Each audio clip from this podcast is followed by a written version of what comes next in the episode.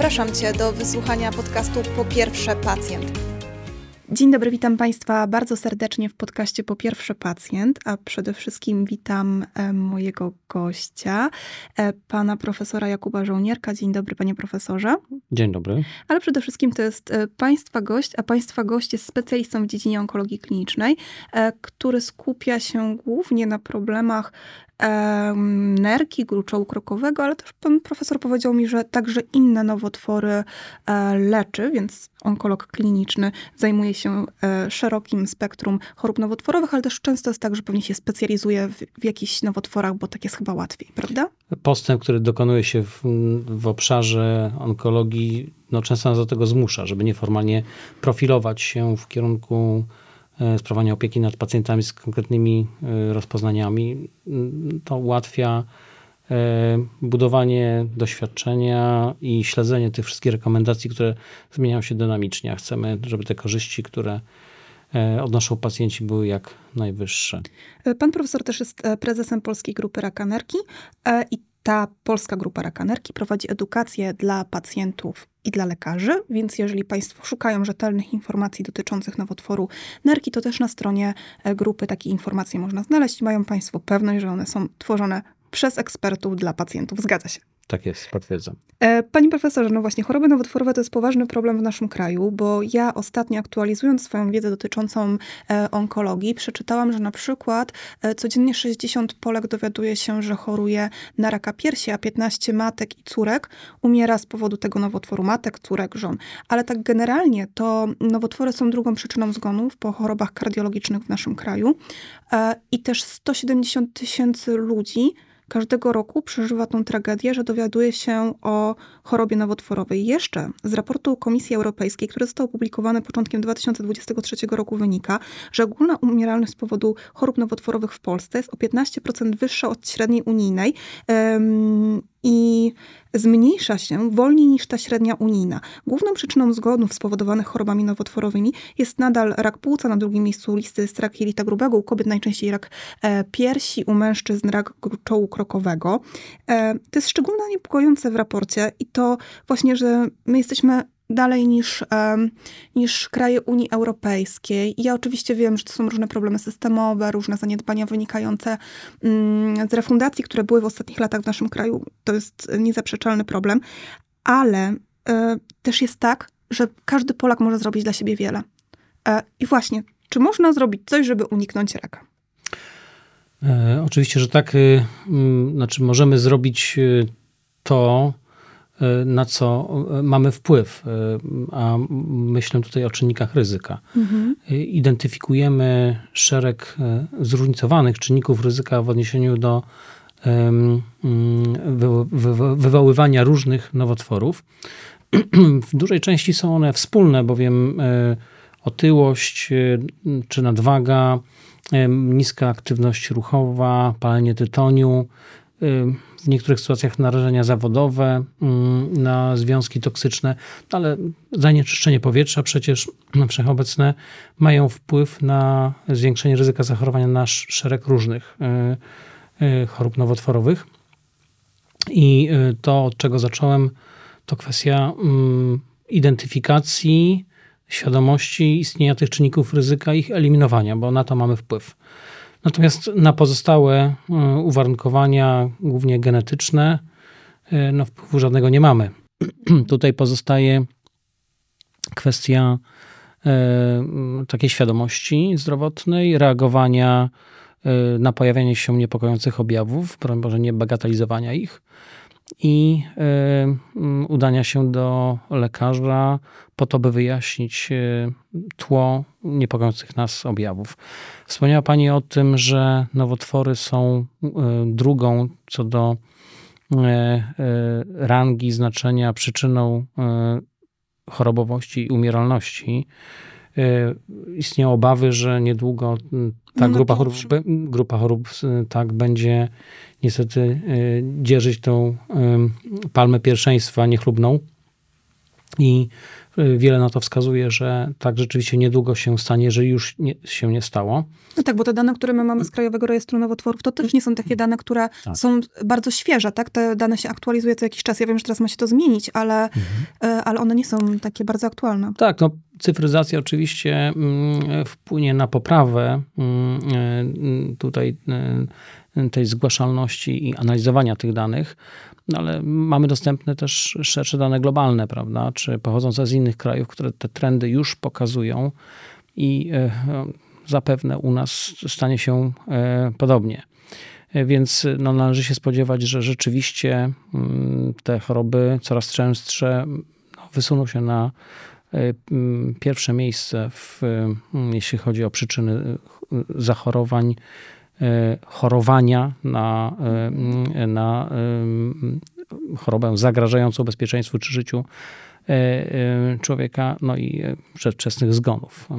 To bezsprzecznie. Panie profesorze, dwa pytania od razu mi się nasunęły. Po pierwsze, mhm czy kiedy idę do lekarza podstawowej opieki zdrowotnej, bo to bardzo ważna grupa, jeżeli chodzi o e, profilaktykę chorób nowotworowych, moim zdaniem, i wykrywanie wczesnych objawów chorób nowotworowych. To czy na przykład pacjent, który mam nadzieję dziś nas słucha, powinien obrażać się na lekarza, kiedy lekarz mu mówi: e, Drogi pacjencie, choruje pan na otyłość albo jest pan otyły, trzeba by było rozwiązać ten problem. Czyli, że on nie myśli tylko o tym defekcie estetycznym, kosmetycznym, że ten pacjent mhm. wygląda powiedzmy źle czy brzydko, ale że to jest też poważny czynnik, który może go predysponować za chwilę do choroby nowotworowej, prawda? No to jest problem cywilizacyjny, który ma wpływ y, również na zwiększenie częstości i ciężkości przebiegu chorób układu krążenia. Mhm. O nowotworach już wspomnieliśmy, a więc jest to poważny problem, na który trzeba zwracać uwagę i szczerze powiem, ja w gabinecie z moimi pacjentami o tym bardzo często rozmawiam. Staram się im wskazać na to, że mm, to w zasadzie ich odpowiedzialność i to jest ich jak najlepiej pojęty, do, dobrze pojęty interes, aby tą masę ciała ograniczyć i y, my nie jesteśmy w stanie y, pewnych problemów rozwiązać za pacjenta z jednej strony, z drugiej strony bardzo złudnym jest myślenie o tym, że na każdy problem znajdziemy cudowną pigułkę, która zastąpi nasze działanie, mm, naszą dbałość o pewne kwestie prozdrowotne, bo tak rzeczywiście nie jest. Y, owszem, y, leki mogą korygować w pewnym zakresie nieprawidłowości, które stwierdzamy, ale one nie rozwiązują problemu. Często są to tylko mm, działania objawowe, łagodzące problem, a nie rozwiązujące jego przyczynę. E, I do tego, do tego zmierzam w rozmowach z pacjentami, żeby ich uświadomić, że tak, to oni powinni zadbać, to oni powinni myśleć o tym i y, przez systematyczność i konsekwencje realizować pewne działania, które, których celem będzie ograniczenie tych czynników ryzyka zachorowania, czy to na nowotwory, czy na choroby układu krążenia. Na tą y, zwiększoną częstość zachorowań na choroby nowotworowe oczywiście ma wpływ szereg czynników, o czym pani wspomniała. Chociażby starzenie się społeczeństw, żyjemy coraz dłużej i organizm zmęczony latami funkcjonowania w pewnym momencie przestaje funkcjonować sprawnie, przestają funkcjonować sprawnie mechanizmy kontroli i te komórki nowotworowe, które codziennie w organizmie e, się pojawiają, nie są sprawnie eliminowane, prowadząc do rozwoju guza, który zagraża bezpieczeństwu pacjenta. Druga sprawa to jest właśnie ta świadomość pacjentów i podejmowanie aktywnych działań zmierzających do wyjaśnienia problemu, jeżeli zauważą jakieś niepokojące objawy, a nie bagatelizowanie ich. I oczywiście jestem daleki od tego, żeby zrzucać wszystko na, na pacjentów, no bo tutaj po drugiej stronie są te problemy systemowe, a więc utrudniony dostęp do lekarza, bo lekarzy jest po prostu za mało, e, lekarzy specjalistów utrudniony, choć już w mniejszym stopniu dzisiaj, kiedyś to był poważniejszy problem do jakiejś zaawansowanej diagnostyki. No i utrudniony dostęp do nowoczesnych form leczenia. O tym jeszcze będziemy mówić, bowiem tak naprawdę onkologia bardzo zmieniła się na przestrzeni ostatnich paru czy kilku dekad. E, co mogłem obserwować sam, e, postęp jest ogromny i e, dostęp do nowoczesnych sposobów leczenia E, imponujący. Mm, Panie profesorze, społeczeństwo zachęca się do udziału w badaniach profilaktycznych, a może powinnam tą wypowiedź zacząć trochę w inny sposób, bo pan e, profesor powiedział, że e, są ograniczenia w dostępie do lekarzy specjalistów, a z drugiej strony mamy taki prezent, czyli badania profilaktyczne. No nie trzeba stać w kolejce, no nie trzeba nikogo prosić o Wiem, do czego pani zmierza. No właśnie. I tak, z jednej strony narzekamy, z drugiej strony nie chcemy chodzić na te badania i Polacy mówią tak, nie, nie idę na to badanie, jeszcze mi coś wykryją i co będzie. A potem już jest takie myślenie, że jak rak, to już od razu śmierci, ludzie piszą testament. Co pan profesor by powiedział, żeby przekonać tych nieprzekonanych, żeby poszli na e, badania przesiewowe i od razu jakby pan profesor wyjaśnił, w jakich nowotworach e, są prowadzone te badania przesiewowe, żeby nasi pacjenci wiedzieli, gdzie mogą pójść i z jakim no jeszcze nie problemem, bo to się nic nie dzieje, kiedy robimy badanie przesiewowe. E, Takie usankcjonowane screeningi w onkologii dotyczą e, raptem kilku rozpoznań, a więc jest to rak szyjki macicy i badanie cytologiczne, jest to mamografia i rak piersi, jest to kolonoskopia i rak jelita grubego oraz e, tomografia niskodawkowa klatki piersiowej e, i rak e, płuca. Najczęstsze nowotwory, mm, czy, czy bardzo częste nowotwory, które stanowią istotne zagrożenie populacyjne, co do których mamy narzędzia umożliwiające ich wczesne wykrycie, bowiem udowodniono w przypadku mm, tych właśnie badań, iż y, są one e, oprócz tego, że dostępne, niezbyt drogie i do udźwignięcia przez budżet e, e, opieki zdrowotnej, e, ale skuteczne o tyle, że przekładają się na wydłużenie czasu przeżycia pacjentów. Czyli one umożliwiają wykrycie nowotworu na takim etapie, na którym istnieją duże szanse wyleczenia, bo do tego służy screening. Ponadto jest szereg badań i sytuacji, narzędzi, po które sięgamy, jako nieformalny screening. Czyli nie ma dowodów naukowych, że ta metoda ud- m, przeło- przekłada się w sposób, który opisałem, na konkretne korzyści klin- kliniczne, przede wszystkim wydłużenie mm, przeżycia pacjentów, czy zmniejszenie śmiertelności z powodu tego nowotworu, innymi słowy. Y, Ale jako tanie, nieinwazyjne mogą być e, z powodzeniem wykorzystywane i e, radzimy pacjentom, aby zwracali na to uwagę, jeżeli mają możliwość, y, zadbali o to, aby takie badanie co jakiś czas wykonać. W ramach nieformalnego screeningu. Ja y, od razu pozwolę sobie na taką dygresję, bowiem często w rozmowach z pacjentami uświadamiam im pewną, no może niepopularną e, prawdę, ale chyba trzeba troszeczkę też oswajać y, y, siebie z tym zagrożeniem i nie demonizować go. Y, Mówię y, moim y, chorym, że, czy pacjentom, że tak naprawdę należy sobie zadawać pytanie nie czy zachoruje na nowotwór, ale kiedy. I biorąc pod uwagę właśnie wysoką częstość zachorowań, dłuższy wiek, który no niestety prędzej czy później doprowadzi do pojawienia się jakichś nieprawidłowości, dlaczego nie miałby to być nowotwór i zwykle tak jest. Rak gruczołu korkowego to jest taki przykład, że mężczyźni żyją dłużej i częściej chorują na tego raka. Dokładnie, jest to typowy nowotwór związany z płcią i z wiekiem. U-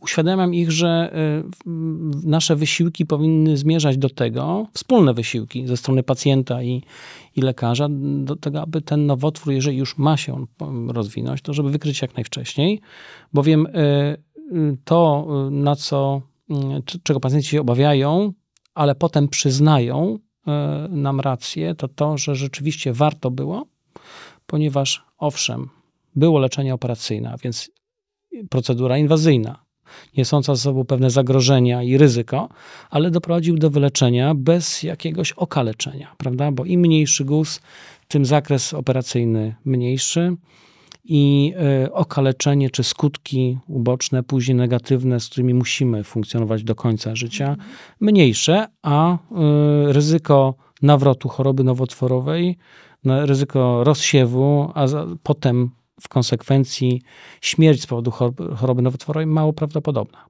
Więc to są te nasze priorytety i na to powinniśmy kłaść największy nacisk.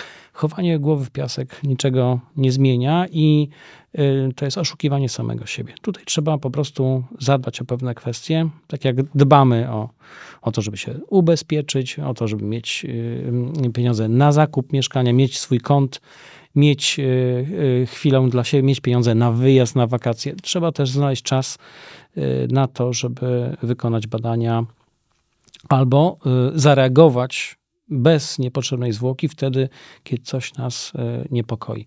Oczywiście to jest e, trochę idealizowanie sytuacji, no bo ja wiem, że e, z, mm, z dolegliwościami bólowymi brzucha od razu nie biegniemy do lekarza. Tym bardziej, że byłoby to trudne do zrealizowania wobec tej kwestii, o którą poruszyliśmy wcześniej, a więc utrudnionego dostępu do lekarzy w Polsce jest nas po prostu za mało. No ale gdzieś tutaj trzeba ten kompromis czy balans znaleźć i na pewno e, jeżeli problem się powtarza, nawraca, nasila, no to nie ma na co czekać trzeba w pierwszej kolejności zgłosić się do lekarza rodzinnego, by ten przeanalizował sytuację i ocenił, czy tutaj jakieś podejrzenie w kierunku rozwoju choroby nowotworowej jest. Może wystawić kartę DILO, kartę mhm. diagnostyki leczenia onkologicznego, przekierować do nas do poradni onkologicznej. E, te procedury diagnostyczne są realizowane sprawnie. No właśnie dziś już sprawnie, bo to nie jest też tak, że my czekamy na tą diagnostykę ileś miesięcy. W niektórych przypadkach tak się zdarza, ale czy się nie, nie zdarza? To są, to są dni, tygodnie teraz już w zasadzie. E, I e, myślę sobie, że mm, tak obserwując już z perspektywy kilku lat funkcjonowania i y, tego programu usprawnionego i modyfikowanego. Y, my też uczyliśmy się funkcjonować y, w ramach tych schematów diagnostycznych.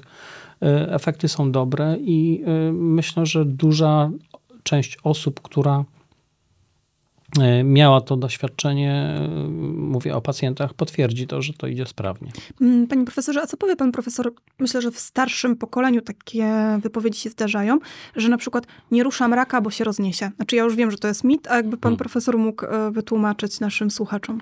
To jest mit, tak, z którym staram się walczyć od dawna, ale to jest coś, o czym powiedziałem też wcześniej, że tutaj tak jak z diagnostyką należy zwlekać, tak i z leczeniem w pewnych sytuacjach y, y, również. Y, to jest mit. Owszem, jestem sobie w stanie wyobrazić takie sytuacje, w których na przykład w trakcie operacji usuwany guz pęka, mhm. bo ma na przykład budowę torbielowatą, prawda, rozlewa się to w obrębie jamy brzusznej, a więc jest możliwe rozsianie tego procesu. Zdarza w praktyce? Nie, no właśnie mając świadomość tego zagrożenia, procedury operacyjne są tak konstruowane, żeby minimalizować ryzyko mhm. te, te, te, takiego zdarzenia. E Mm, nad inną sytuacją, którą jestem sobie w stanie wyobrazić i rzeczywiście dokumentowano czasem tego typu przypadki, to powikłania po biopsji, a więc y, nakłuciu zmiany przez powłoki, zaaspirowaniu y, mm, komórek czy fragmentu y, zmiany, którą chcemy później pod, pod mikroskopem ocenić i zweryfikować, czy mamy do czynienia z nowotworem, czy też nie. Przy wyciąganiu tej igły gdzieś w kanale nakłucia może dojść do y, implantacji, do wszczepienia tych komórek nowotworowych, które na przykład potem, e, jeżeli to był guz nowotworowy, dają y, taki wzrost y, zmiany nowotworowej wtórnej w powłokach. Mhm. Ale to też są naprawdę pojedyncze przypadki. Ja w zasadzie w czasie dwudziestoparoletniej już praktyki widziałem może jeden, dwa takie przypadki. Mm, no ale mając świadomość tych zagrożeń, my też to kontrolujemy przecież, więc y, to nie jest y, nic, y, co powinno nas trwożyć i na pewno co powinno skłaniać pacjentów do tego, aby rezygnowali mhm. z leczenia czy diagnostyki inwazyjnej w postaci biopsji. To są pojedyncze przypadki. Panie profesorze, powiedział pan profesor na początku, że leczenie, że onkologia bardzo się zmieniła w ostatnich latach. E, I dziś coraz częściej używa się takiego stwierdzenia, że choroba nowotworowa może być chorobą przewlekłą. Tak jak nadciśnienie jest chorobą przewlekłą, czyli stwierdzają na mnie w wieku 40 lat i potem już do 80 szczęśliwie e, dożywam, biorę leki i, i wszystko jest ok. Tak samo cukrzyca typu drugiego jest chorobą przewlekłą. Jak rozumieć tą przewlekłość w kontekście chorób nowotworowych? Dosłownie, mm, bowiem e, postęp e, e, farmakoterapii jest duży, a w zasadzie nie, nie powinienem chyba się ograniczać tylko i wyłącznie do skomentowania farmakoterapii, a więc stosowania leków przeciwnowotworowych. Ale postęp y, w planowaniu i realizowaniu strategii leczenia onkologicznego, wielodyscyplinarnego z chirurgią, radioterapią i leczeniem mm, systemowym y, jest bardzo duży i te korzyści są y, w naszych obserwacjach i analizach naukowych ewidentne. Tutaj Chcę też e, odnieść się e, do e, moich obserwacji, bo kiedy ja zaczynałem mm, swoją praktykę, to pamiętam, że dostępnych było kilka, kilkanaście cytostatyków chemioterapii, które mogły być stosowane albo jako monoterapia, czyli leki stosowane pojedynczo, ewentualnie kojarzone w schematy chemioterapii, no to te kombinacje jakoś mnożyły te opcje, które mogliśmy wykorzystać. Dzisiaj mamy możliwość stosowania nie tylko chemioterapii, która jest wartościowym, choć obciążającym leczeniem, ale również leków ukierunkowanych molekularnie, immunoterapii. Co to znaczy ukierunkowanych molekularnie? To są leki, które stworzono na bazie najpierw badań y, takich przedklinicznych, laboratoryjnych, identyfikując konkretne mechanizmy rozwoju choroby nowotworowej, identyfikując białka, które napędzają te komórki do wzrostu, podziału, naciekania na y, struktury sąsiednie, inwazji, tworzenia przerzutów. I y, po zidentyfikowaniu tych konkretnych mechanizmów i białek, które są za to odpowiedzialne, skonstruowano leki, które te białka hamują, blokują. A więc zatrzymują pewien proces patologiczny, umożliwiając mm, kontrolę, sprawowanie kontroli nad chorobą nowotworową Immunoterapia, uprzedzę Pani pytanie, być może to jest e, z kolei stosowanie leków, które mają na celu pobudzenie układu immunologicznego, mhm. mówimy stymulację, do agresywniejszego działania, poszukiwania komórek Czyli nieprawidłowych. Tak jest. Aktywnego poszukiwania komórek nieprawidłowych, również nowotworowych i ich, ich sprawnej eliminacji.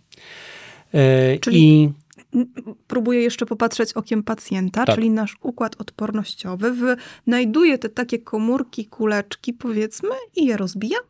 Tak, no bo układ immunologiczny to mm, taki bardzo złożony system mm, komórek o różnej budowie i różnej funkcji, które w sposób y, aktywny patrolują organizm, mm, szperają w nawet najciemniejszych zakamarkach naszego ciała, szukając y, kłopotów i eliminując te, te problemy. Y, bakterie, komórki zainfekowane wirusowe i komórki nowotworowe w uproszczeniu. Jeżeli u chorego dochodzi do rozwoju choroby nowotworowej, coś poszło nie tak. A więc można jeszcze zareagować podając immunoterapię, która pobudza układ immunologiczny, daje mu takiego pstryczka do, do działania i yy, intensyfikuje te, te aktywności układu immunologicznego, tak, aby sprawniej e, eliminowały zagrożenia. I to pytanie, o którym pani powiedziała, choroba przewlekła, jest możliwe w kontekście choroby nowotworowej właśnie dzięki temu, że mamy dostęp do leków o różnym mechanizmie działania, które możemy stosować pojedynczo, możemy je kojarzyć, możemy je stosować sekwencyjnie, czyli jeden po drugim.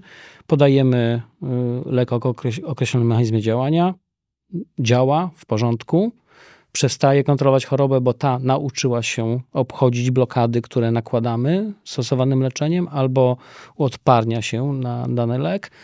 Wycofujemy ten, dajemy kolejny, i y, którego GUS jeszcze nie zna, i dzięki temu, stosując sekwencyjne leczenie, rozłożone w czasie, jesteśmy w stanie, jeżeli nie wyleczyć pacjenta, to też jest bardzo ważne, to kontrolować chorobę nowotworową, tak by ona nie wzrastała i nie zagrażała jego bezpieczeństwu. Czyli I, pacjent może żyć przez wiele lat. I tak rzeczywiście jest współcześnie. Czyli obserwuje pan e, profesor, ile żyje najdłuż, najdłużej pacjent, którego e, pan profesor w taki sposób leczy? Kilkanaście lat.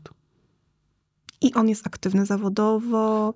To owszem, duża część z tych osób, jeżeli nie jest aktywna zawodowo z racji wieku, to są aktywni społecznie, czy są aktywni w, w gronie rodzinnym, prawda? Pełnią swoje funkcje społeczne i rodzinne e, e, w pełni, realizując się e, w tych, w tych zadaniach.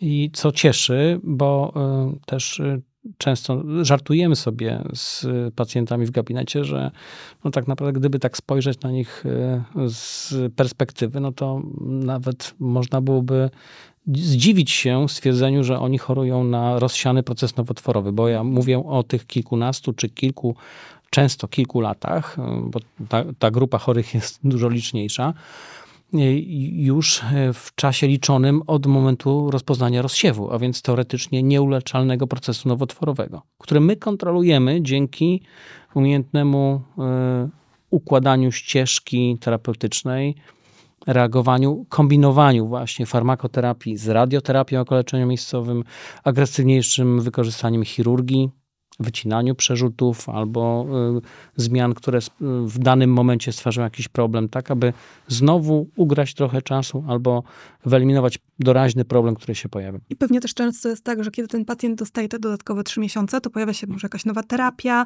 i pan y, profesor... Trzy lata, nie trzy miesiące. tak. Chciałam być optymistką. Aha, tak, oczywiście. I y, tak, ja też pacjentom mówię, że y, dużo energii wkładamy w to, aby doholować ich do lepszych czasów, mhm. kiedy dostęp do leków będzie y, szerszy, a pojawią się nowe, o nawet nam teraz nieznanych mechanizmach działania, które będzie można z powodzeniem stosować i, i to rzeczywiście jest coś, co się sprawdza. Nie planowałam o to pytać, ale tak sobie pomyślałam o tym doholowaniu do lepszych czasów. A teraz mhm. są trochę lepsze czasy w Polsce, jeżeli chodzi o pacjentów onkologicznych? Myślę, że tak. Myślę, że tak.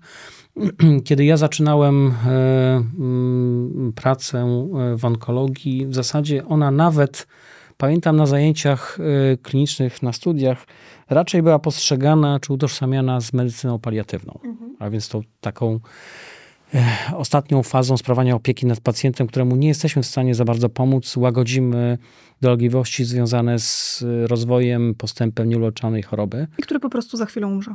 Dokładnie. Teraz onkologia wygląda zupełnie inaczej, a medycyna paliatywna to osobna specjalizacja. Więc to nie jest, to nie jest E, toż, e, onkologia nie jest tożsama z opieką terminalną. I y, duża część y, chorych, po pierwsze, jeżeli sprawnie diagnozowana, bo zareagowali w porę na niepokojące objawy, zostali przebadani, zdiagnozowani, odpowiednio leczeni, są osobami wyleczonymi. My ich obserwujemy, już nawet też dowcipkując troszkę, że no teraz patrzymy, czy nie pojawi się coś innego. No bo miał pan raka jelita grubego, no bardzo proszę. Był pan operowany, no dobrze, ale jelito jest y, długie. Może w innym miejscu guz się pojawi za jakiś czas, nie wiem, 10-15 mhm. lat, a może w pęcherzu moczowym, a może w płucu i tak dalej. No to też jest y, y, nie straszenie, ale budowanie tej świadomości zagrożenia, z którym trzeba się pogodzić w pewnym sensie, ale też zaadaptować do tych warunków i tej czujności nie tracić. No i pacjenci, których, e, jeżeli nie udało się e, wyleczyć, no to z którymi spotykamy się latami, bowiem kontrolujemy skutecznie proces nowotworowy, który widzimy, ale który trzymamy w ryzach.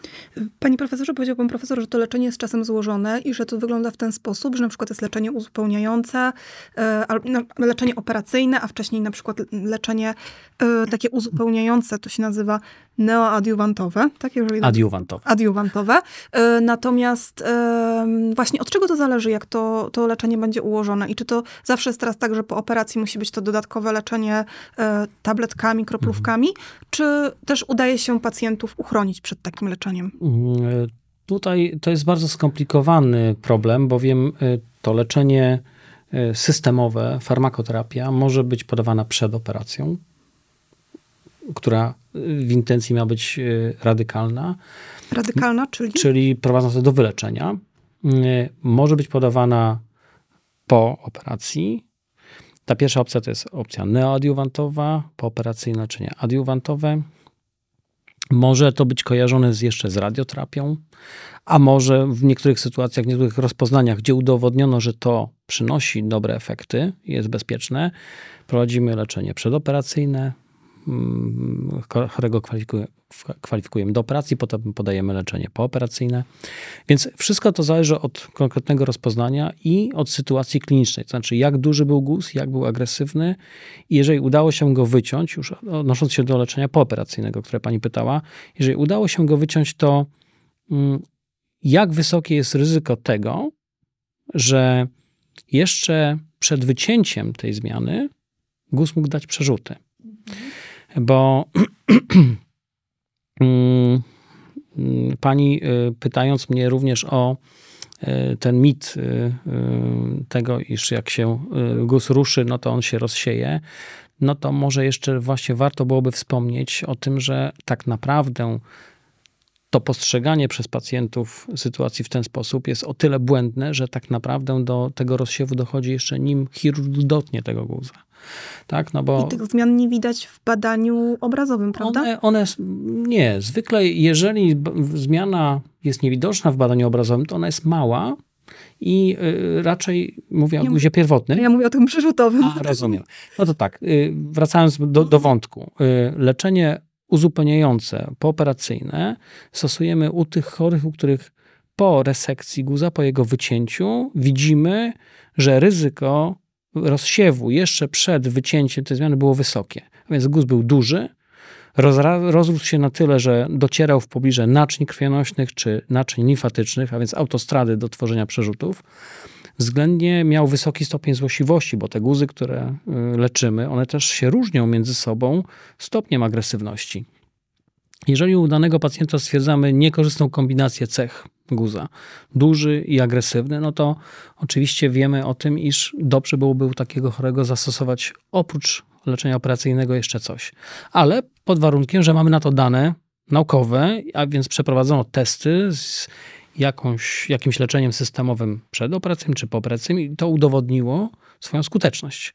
I takie choroby oczywiście są i y, my po takie narzędzia często sięgamy. Mm, kiedy słucham pana profesora, to myślę sobie, że dziś nie ma e, jednoznacznej odpowiedzi na to, jak leczy się dany nowotwór, e, bo jest tych zmiennych bardzo dużo i to jest takie bardzo indywidualne podejście do pacjenta i chciałabym e, zapewnić wszystkich pacjentów, że jeżeli ich sąsiadka miała raka piersi i była leczona metodą A, mhm. to wcale nie oznacza, że jeżeli u tej drugiej sąsiadki był nowotwór piersi, to ona też otrzyma tą metodę A leczenia. Że faktycznie jest tak, że trzeba temu lekarzowi zaufać, bo on zna te wszystkie metody, ma wytyczne, program lekowy i on po prostu się sprawnie porusza, bo dziś nowotwory to są bardzo skomplikowane choroby, które przede wszystkim ta mm, ścieżka postępowania z pacjentem uzależniona jest od tego paszportu genetycznego w większości nowotworów. W dużej, w znacznej mierze tak. I rzeczywiście te algorytmy postępowania, czyli te schematy y, y, zastosowania takiej czy innej opcji leczenia są bardzo rozbudowane. W niektórych nowotworach aż przerażająco rozbudowane i tak tak szczegółowe. Do każdego stadium i sytuacji klinicznej mamy czasem zupełnie odrębne e, zestawy leków, które stosujemy, czy w chemioterapii, czy w leczeniu ukierunkowanym molekularnie, czy, czy w immunoterapii. Więc jest to rzeczywiście bardzo skomplikowane i na wybór tego czy innego leku ma wpływ szereg czynników, które analizujemy. I, I które e, dla pacjenta też mogą być zupełnie niejasne, prawda? Bo... Oczywiście i nawet y, y, powiem wprost, my nie jesteśmy w stanie nawet mając sporo, sporo czasu wyjaśnić tego w szczegółach i uzasadnić, więc tak, to, to zaufanie jest potrzebne, ale oczywiście też uważam, że wyedukowany pacjent, dobrze poinformowany, to połowa sukcesu i my, jak już walczymy z chorobą, to już nie chcemy walczyć z pacjentem, chcemy, żeby był przekonany do słuszności naszych decyzji i, i postępowania, no i druga sprawa, że tą, mm, tą decyzję o pójść, pójściu jedną bądź drugą ścieżką staramy się, y, czy chcemy podejmować razem z pacjentem, bo czasem są wybory, których trzeba dokonać. Są opcje, z których można skorzystać, i tutaj pacjent ostatecznie decyduje, którą drogą chciałby pójść. To przeskoczę teraz e, trochę z tematu, bo E, wydaje mi się, że pacjenci też nie mają świadomości, że jest coś takiego jak konsylium wielospecjalistyczne i zazwyczaj to chyba w tym momencie e, Państwo rozmawiacie o tych opcjach leczenia, bo na tym konsylium przynajmniej powinien pojawić się pacjent i powinien e, gdzieś tam być jedną, jednym z głosów, który właśnie decyduje o tym leczeniu. Więc jakby Pan Profesor mógł wyjaśnić pacjentom, czym jest konsylium, po co Mhm. jest konsylium, kto bierze w nim udział i też, czy zawsze ono musi się odbyć, czy pacjent na przykład, jeżeli nie ma, to ktoś zrobił coś złego, że, że nie zwołał tego konsylium.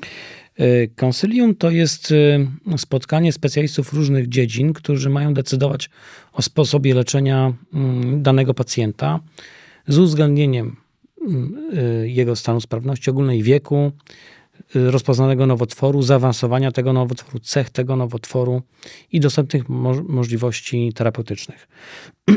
W zasadzie konsylium to jest taki etap kończący diagnostykę w ramach karty DILO, karty diagnostyki leczenia onkologicznego.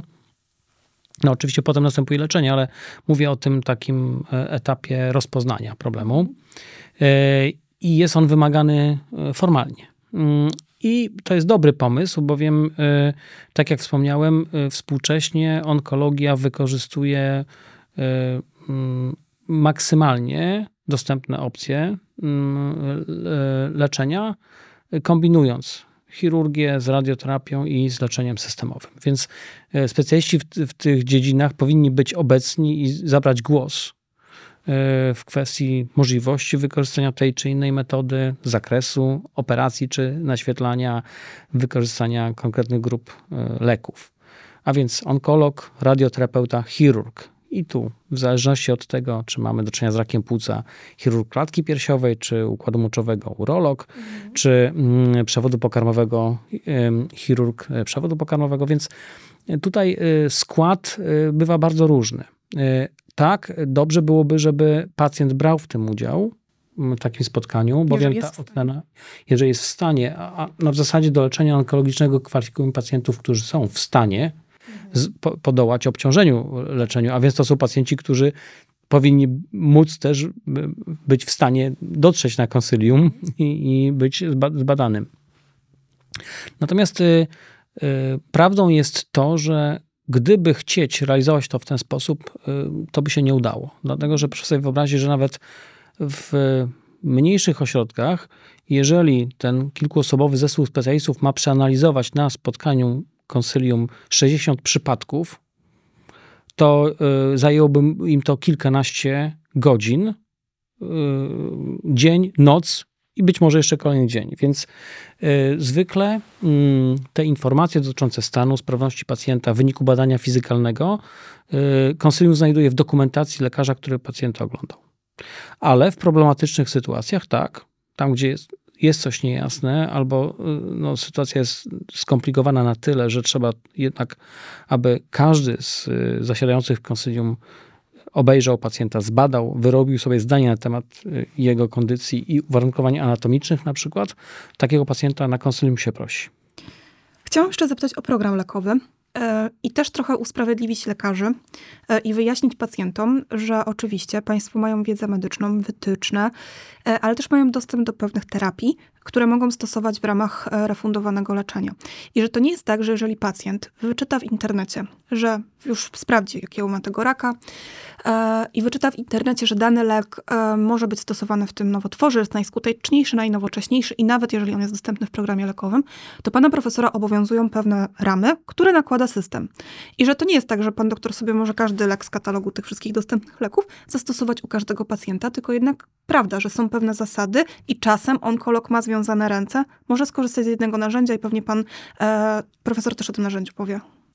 Tak, czym innym jest y, rejestracja leku do stosowania w danym wskazaniu, a więc y, mm, zezwolenie na jego stosowanie przez uprawnione do tego instytucje na podstawie dowodów naukowych skuteczności i bezpieczeństwa takiego postępowania. A więc y, y, mamy leki, które mają rejestrację do leczenia na przykład raka płuca na tym etapie zaawansowania, ale osobną kwestią jest refundacja takiego leczenia. Y, Bowiem y, musimy sobie uświadomić, że terapie onkologiczne są bardzo kosztowne. I tak naprawdę nawet najbogatszy kraj na, y, na globie nie byłby w stanie sfinansować y, dowolnej terapii, czy wszystkich sposobów terapii u, u każdego obywatela swojego kraju. Tak wygląda prawda. I y, naturalnym jest, że kraje mniej zasobne, mm, niestety, ale mogą wygospodarować pieniądze na określone terapie, czy wykorzystanie konkretnych leków tylko w określonych mm, sytuacjach klinicznych. I tutaj właśnie zmierzamy do tej różnicy pomiędzy rejestracją leku, a więc e, e, dopuszczeniem leku, dlatego że udowodnił on swoją, swoje bezpieczeństwo i skuteczność w badaniach e, klinicznych, i refundacji leku. Ten, ta refundacja jest zwykle wyższa, no bo nie da się, tak jak powiedziałem na wstępie, sfinansować wszystkiego w sposób dowolny. I te mm, zapisy refundacyjne mm, też są specyficzne, mm, ograniczając y, populację, grupę osób, które mogą otrzymać refundowane leczenie danym lekiem do określonych sytuacji klinicznych. A więc, jeżeli pacjent rzeczywiście wyczyta, że tak, taki lek jest skuteczny, bezpieczny, to jeszcze nie znaczy, że nasz system ubezpieczenia zapłaci za to leczenie.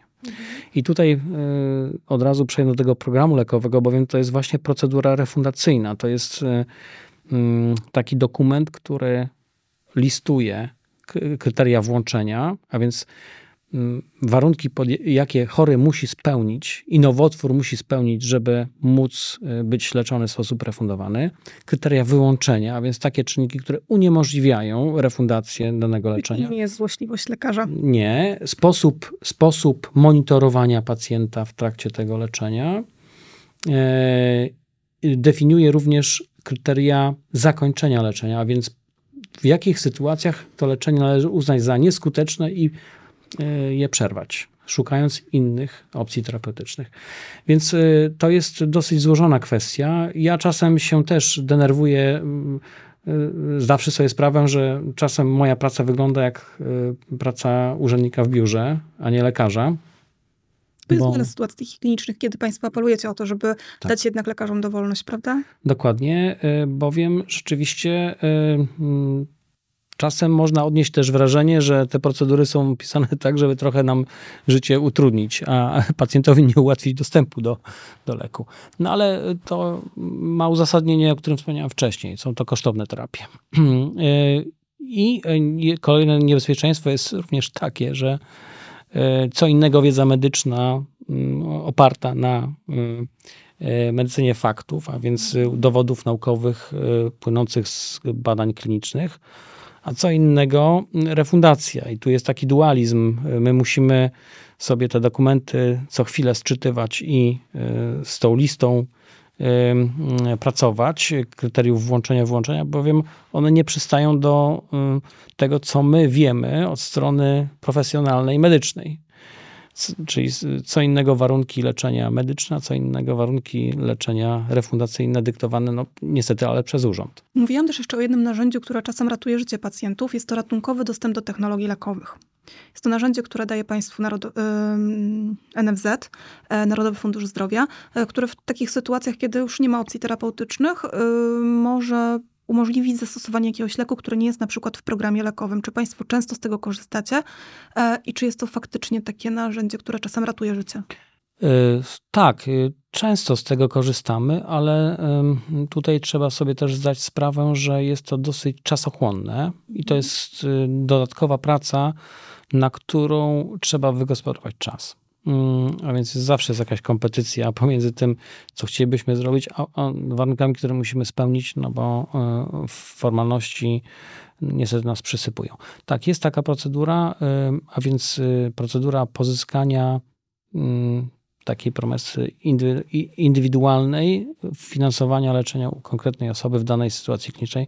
Ją trzeba dobrze udokumentować, uzasadnić ten wniosek, dlaczego chcemy mm, E, sięgnąć po ten, a nie inny lek, jakich korzyści klinicznych się spodziewamy i czy jest to bezpieczne. To jest opiniowane przez konsultanta w danej dziedzinie e, wojewódzkiego i dopiero po wyrażeniu przez niego zgody szpital może e, zakupić lek i go stosować, oczekując potem zwrotu kosztów tego leczenia. To ja zapytam jeszcze taki bardzo kontrowersyjny temat, wydaje mi się, wśród pacjentów, mm, a mianowicie jak wybrać ośrodek, w którym będę leczony z powodu nowotworu. Bo często jest tak, że to leczenie operacyjne jednak odbywa się gdzieś tam na poziomie lokalnym, tak? A potem pacjent no, tak jak pan profesor powiedział, są wskazania do dalszego leczenia i e, pacjent wybiera ośrodek. No i już wiemy, że są programy lekowe. Te programy lekowe albo są w danym szpitalu prowadzone, albo nie, więc jeżeli pacjent ma iść do programu lekowego, no to automatycznie musi szukać e, szpitala z programem lekowym, ale czy to, jest tylko dobrze, czy to jest tylko tak, że dobrze wyleczą mnie w Warszawie, Poznaniu, Wrocławiu, Krakowie, a na przykład w małej miejscowości, która prowadzi program lekowy, to nie ma sensu się leczyć, bo, bo nie. Oczywiście, że nie. Nie można takiego uogólnienia stosować. Tutaj ciągle ścierają się e, takie koncepcje centralizacji, decentralizacji opieki zdrowotnej, a więc ośrodki referencyjne i ośrodki peryferyjne. E, ja e, oczywiście nie odpowiem w pani na tak, na tak postawione pytanie wprost i jednoznacznie, bo takiej odpowiedzi nie ma. Są nowotwory mm, dosyć typowe, które leczy się łatwo i łatwo dostępnymi lekami i są takie nowotwory, które są rozpoznaniami niezwykle rzadkimi. Nie ma e, e, stworzonych e, rekomendacji dotyczących leczenia, no bo nie ma danych naukowych, nie było zbyt wiele obserwacji dotyczących takich przypadków, więc nie ma doświadczeń, na, który, na podstawie których można byłoby takie rekomendacje zbudować. I to jest zadanie dla jednak ośrodków referencyjnych. Więc chory z rzadkim rozpoznaniem raczej powinien być przekierowany do ośrodka referencyjnego, no typowo zlokalizowanego gdzieś uniwersytecko czy akademicko w dużych miastach, prawda? To stąd może takie wyobrażenie o tym, że no, tak jak w Warszawie to mnie nigdzie nie poleczą.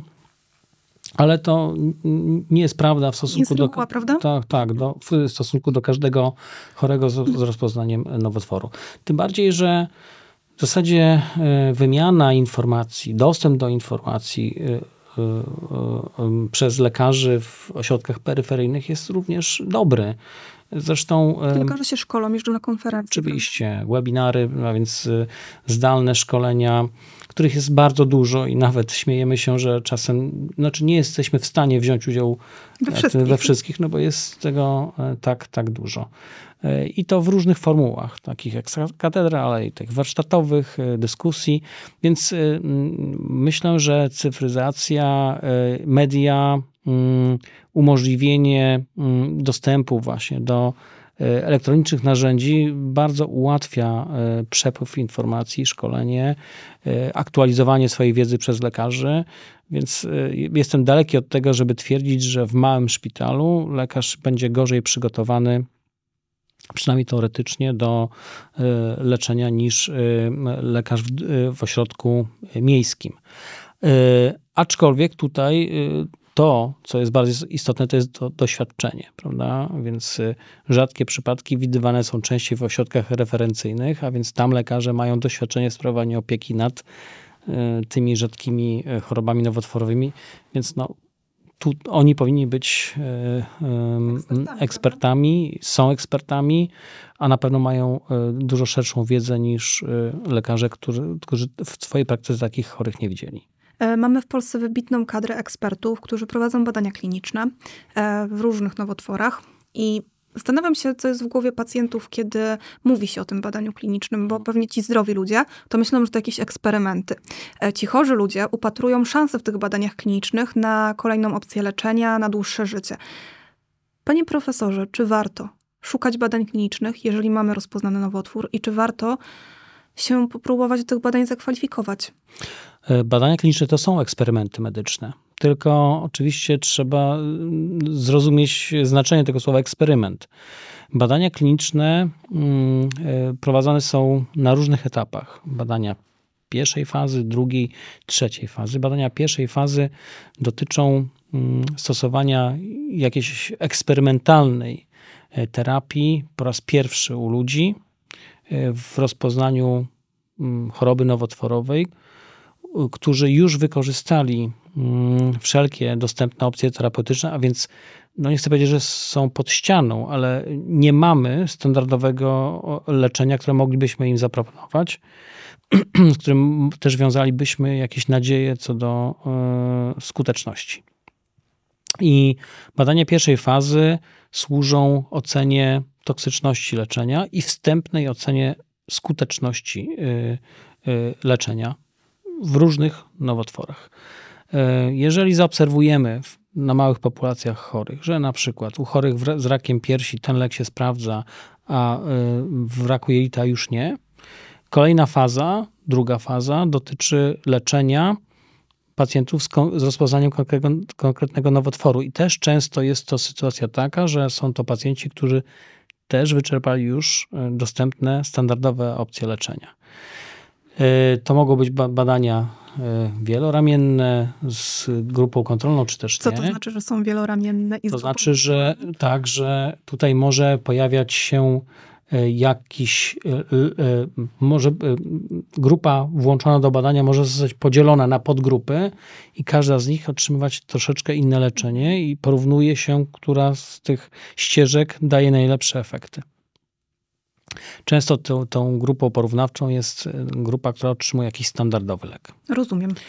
No i badania trzeciej fazy to tak zwane badania przedrejestracyjne, które już w konkretnym rozpoznaniu na bardzo dużych populacjach chorych, liczących sobie zwykle kilkaset osób, czy nawet e, kilka tysięcy, weryfikuje w porównaniu do jakiegoś e, funkcjonującego standardu skuteczność eksperymentalnego leczenia, które może polegać na stosowaniu e, wyłącznie nowego leku albo na dodaniu nowego leku do standardowego schematu leczenia.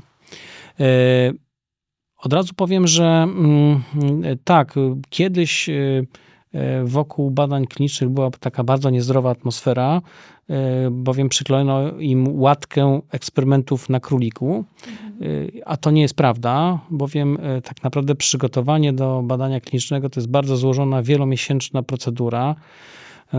Ktoś ma pomysł, opracuje protokół, to jest weryfikowane przez różne instytucje kontrolujące to pod kątem zasadności, e, szans na uzyskanie korzyści, e, komisje biotyczne. Tutaj oczywiście analizują to pod kątem tego, czy jest to rzeczywiście akceptowalne z tej perspektywy i dopiero po uzyskaniu szeregu zezwoleń, po e, przewałkowaniu tych dokumentów dogłębnie, jest zgoda bądź nie ma zgody na realizację badania klinicznego. Jeżeli ta zgoda jest, to jest to rzeczywiście w moim odczuciu duża szansa dla pacjentów. E, I prawda jest taka, że ten postęp e, w obszarze onkologii, który ja miałem szansę obserwować na przestrzeni ostatnich dwóch dekad, o którym wspomniałem, no, z, pojawił się właśnie dzięki badaniom klinicznym. No bo bez poszukiwania, bez prób. Nie ma ewolucji. Nie ma, nie ma ewolucji.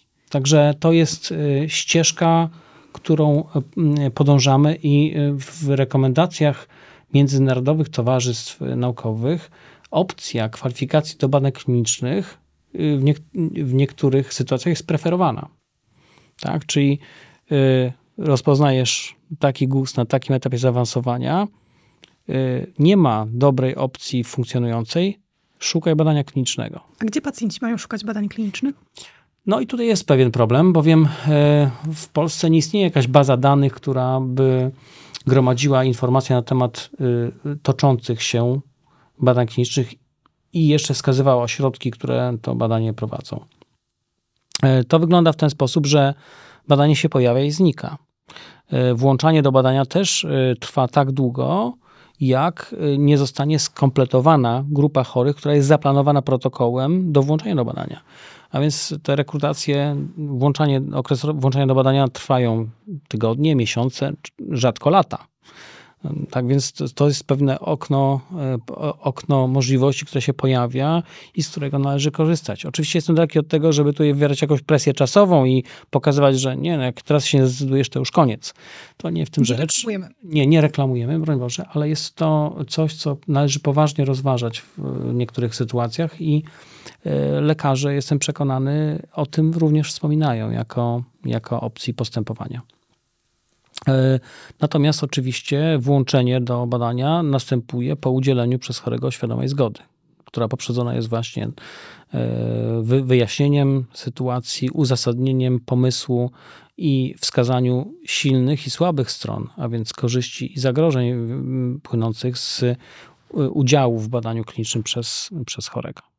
Panie profesorze, powiedziałam na początku o tym, albo jeszcze zanim zaczę, zaczęliśmy nagrywać naszą rozmowę, że sytuacja osoby chorującej na nowotwór to jest taka osobista tragedia. Dla nas, ludzi, którzy obserwują tą sytuację jako zdrowa populacja, ale też dla lekarza, który tego pacjenta e, będzie leczył, który będzie sprawował nad nim opiekę. I chciałabym zapytać o humanizację medycyny. E, patronem naszego e, podcastu jest Instytut Praw Pacjenta i Edukacji, który o tej humanizacji bardzo dużo w ostatnim czasie mówi. Czym dla pana profesora, jako dla onkologa klinicznego, który towarzyszy pacjentom w bardzo trudnych sytuacjach życiowych, jest pojęcie humanizacji medycyny? Y, zacznę od tego, że owszem, choroba nowotworowa jest poważnym mm, rozpoznaniem, którego nigdy nie, nie wolno bagatelizować i zawsze y, y, podchodzić do, do niej z mm, należytą starannością pod kątem planowania, diagnostyki, leczenia itd. Tak ale z drugiej strony też y, chciałbym w tym miejscu zaapelować, żeby nie dać się zwariować i nie dać się steroryzować y, samym terminem nowotwór czy rozpoznaniem choroby nowotworowej, bo tak jak już powiedzieliśmy wcześniej, raczej kwestia nie czy, tylko kiedy zachorujemy i y, z tym problemem trzeba się mierzyć. Ta humanizacja medycyny i onkologii w moim odczuciu powinna polegać na z jednej strony takim partnerskim podejściu do pacjenta, a więc nie e, ferowania wyroków czy mm, mm, planowania, postępowania bez uwzględnienia oczekiwań chorego, przedskładowania z nim tej kwestii, ale właśnie do takiego wyjaśnienia w sposób zrozumiały tego, co się dzieje to również y, mm, usprawnienie diagnostyki w sensie dostępu do sprzętu diagnostycznego pracowni, lekarzy, specjalistów, którzy tą diagnostykę y, prowadzą, realizują, tak aby to oczekiwanie w niepewności nie trwało zbyt długo i żeby ten proces szedł sprawnie. Kolejna y, rzecz to jest coś, o co walczymy, ale to się średnio udaje, to jest właśnie ten czas, który powinniśmy mieć dla pacjenta, żeby mu te wszystkie, wszystkie kwestie móc wyjaśnić. No, niestety powszechną praktyką jest to, że ten czas na konsultację w standardowym gabinecie specjalistycznym to jest 15-20 minut, to już jest nieźle. A więc to nie jest y, możliwe, aby z tym chorym porozmawiać, przeanalizować dokumentację, zbadać go szczegółowo, e, wyjaśnić, wystawić jakieś dokumenty, skierowania, recepty, zaświadczenia i tak dalej, bo tego też pacjenci oczekują. Mm, i też y, zbudować takie zaufanie, bowiem no akurat nasza y, specyfika naszej specjalności polega na tym, że my z tymi pacjentami się widzimy często. Mhm. Miesiącami, latami, więc tutaj, jeżeli to się nie uda na pierwszej rozmowie, na pierwszej konsultacji, spotkaniu, no to jest szansa, że jesteśmy to w stanie zrealizować później. No ale dobrze byłoby już na samym wstępie tą dobrą relację zbudować i przekonać chorego, że nam również zależy na tym, żeby wszystko poszło gładko, a ryzyko, które niewątpliwie istnieje i zawsze się będzie pojawiało, było jak najmniejsze. Nie da się powikłań niektórych uniknąć, ale y, no też y, chcemy, żeby pacjent rozumiał, że to są pewne koszty dla jego organizmu walki z, z poważnym zagrożeniem. To jest wszystko bardzo ważne. W niektórych ośrodkach e, również wiem o tym, iż w standardzie przy pierwszej hospitalizacji jest e, e, taka konsultacja psycholo, psychologa klinicznego. To jest ważne. Nie wszyscy chcą z tego korzystać. Warto? Tak, myślę, że tak, ale myślę, że też powinni mieć szansę wyrobienia sobie zdania własnego a nie e, kierowanie się jakimiś uprzedzeniami czy wyobrażeniami, które e, z rzeczywistością nie muszą mieć wiele wspólnego. Więc szansa rozmowy i podjęcia decyzji. Chcę z tego korzystać dalej, czy też nie. I mm, dostęp do psychologów klinicznych jest coraz lepszy, aczkolwiek niewystarczający. To nie bez wątpienia w warunkach polskich.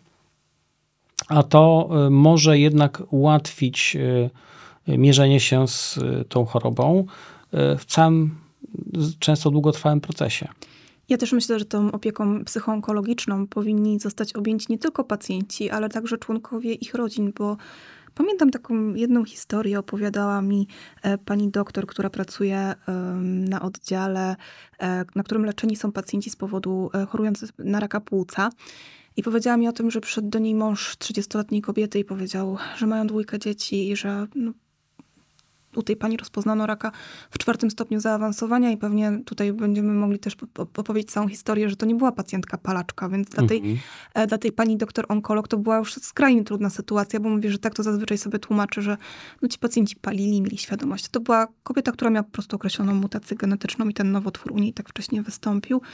I mówiła, że ten mąż tej kobiety był w strasznym stanie, że ta kobieta się lepiej trzymała od niego, że to mhm. tak naprawdę ona go pocieszała i mówiła, że że ona sobie jakoś poradzi, ale też on się bał, jak on sobie poradzi z tą dwójką dzieci i choroba nowotworowa to jest choroba całej rodziny. Tak, tak, tak, dokładnie. Mm, I y, też y, poruszyła Pani y, ważną kwestię tego, że ta humanizacja powinna też polegać na dopuszczeniu członków rodziny, za zgodą pacjenta oczywiście, do brania udziału w tych konsultacjach wszystkich, żeby oni też byli e, świadomi sytuacji, nie polegali tylko na relacji, przekazie osób e, w łańcuszku, czy e, optymalnie już od samego chorego, żeby tą ścieżkę skrócić i nie bawić się w głuchy telefon, prawda? Druga sprawa jest to duże często wsparcie dla samej, samego chorego czy, czy chorej, Dwa, w emocjach pacjent czy pacjentka nie są w stanie zapamiętać wszystkiego, przeanalizować, y, potem w spokoju w domu. Obecność drugiej osoby też pomaga w mm, podjęciu później decyzji, no bo co dwie głowy czy trzy głowy to nie jedna. A mówimy przecież o osobach, które zwykle z medycyną czy z onkologią zwłaszcza nie mają wcześniej zbyt wiele wspólnego. E, także e, owszem, jest to bardzo ważne i to wsparcie dla rodziny również. I e, też no, z przykrością stwierdzam, że ja nie czuję się kompetentny do tego, żeby takiego wsparcia udzielać każdemu, kto do mnie przychodzi. Nie mam takiego doświadczenia i ci psycholodzy kliniczni to mm, ogromne wsparcie dla nas, zwłaszcza, że Mm, też te rozmowy z nimi mogą przebiegać w zupełnie innych okolicznościach, a nie w gabinecie lekarskim przy biurku mm, e, za, za drzwiami tłum oczekujących na, na konsultację. Panie profesorze, żeby może nie kończyć naszej dzisiejszej rozmowy taką e, trudną historią, to ja chyba chciałabym podsumować, że każdy z nas ma naprawdę bardzo duży wpływ na swoje zdrowie. I te badania e, profilaktyczne, ale przede wszystkim dbanie o siebie, ruch, zdrowa dieta, pozbycie się e, nałogu palenia papierosów, ale też może trochę pozytywne myślenie i spojrzenie na to wszystko, że właśnie to nie jest tak, że jak pójdę na badanie, to od razu mi coś znajdą, tylko że idę po to, żeby się upewnić, że wszystko u mnie jest w porządku. To jest ta ścieżka, która e, pozwoli nam się chociaż w jakimś stopniu uchronić przed chorobą nowotworową. A z drugiej strony też ta reakcja i to, czy my właśnie podejmiemy to ryzyko i pójdziemy do lekarza podstawowej opieki zdrowotnej czy innego specjalisty, ma ogromny wpływ na to, czy unikniemy leczenia przewlekłego i otrzymamy leczenie radykalne mhm. i będziemy dalej cieszyć się zdrowiem. Więc chyba dbajmy o siebie, myślmy o sobie i to jest recepta po naszym dzisiejszym programie? Tak, tak. Myślę, że tak to można podsumować. No ja jeszcze ze swojej strony i perspektywy lekarza chciałbym, żeby decydenci i system umożliwił nam e, e, właśnie takie podejście e, do, do pacjentów, no bo teraz z tym nie jest najlepiej. Niestety, chociaż chcieliśmy skończyć optymistycznie, to tu jest jeszcze wiele do zrobienia, chociaż mm, żeby było jednak optymistycznie, powiem, że sporo się ostatnimi czasy jednak zmieniło in plus. Bardzo dziękuję panie profesorze za naszą rozmowę, za nasze dzisiejsze spotkanie. Państwu dziękujemy za uwagę. Dziękuję.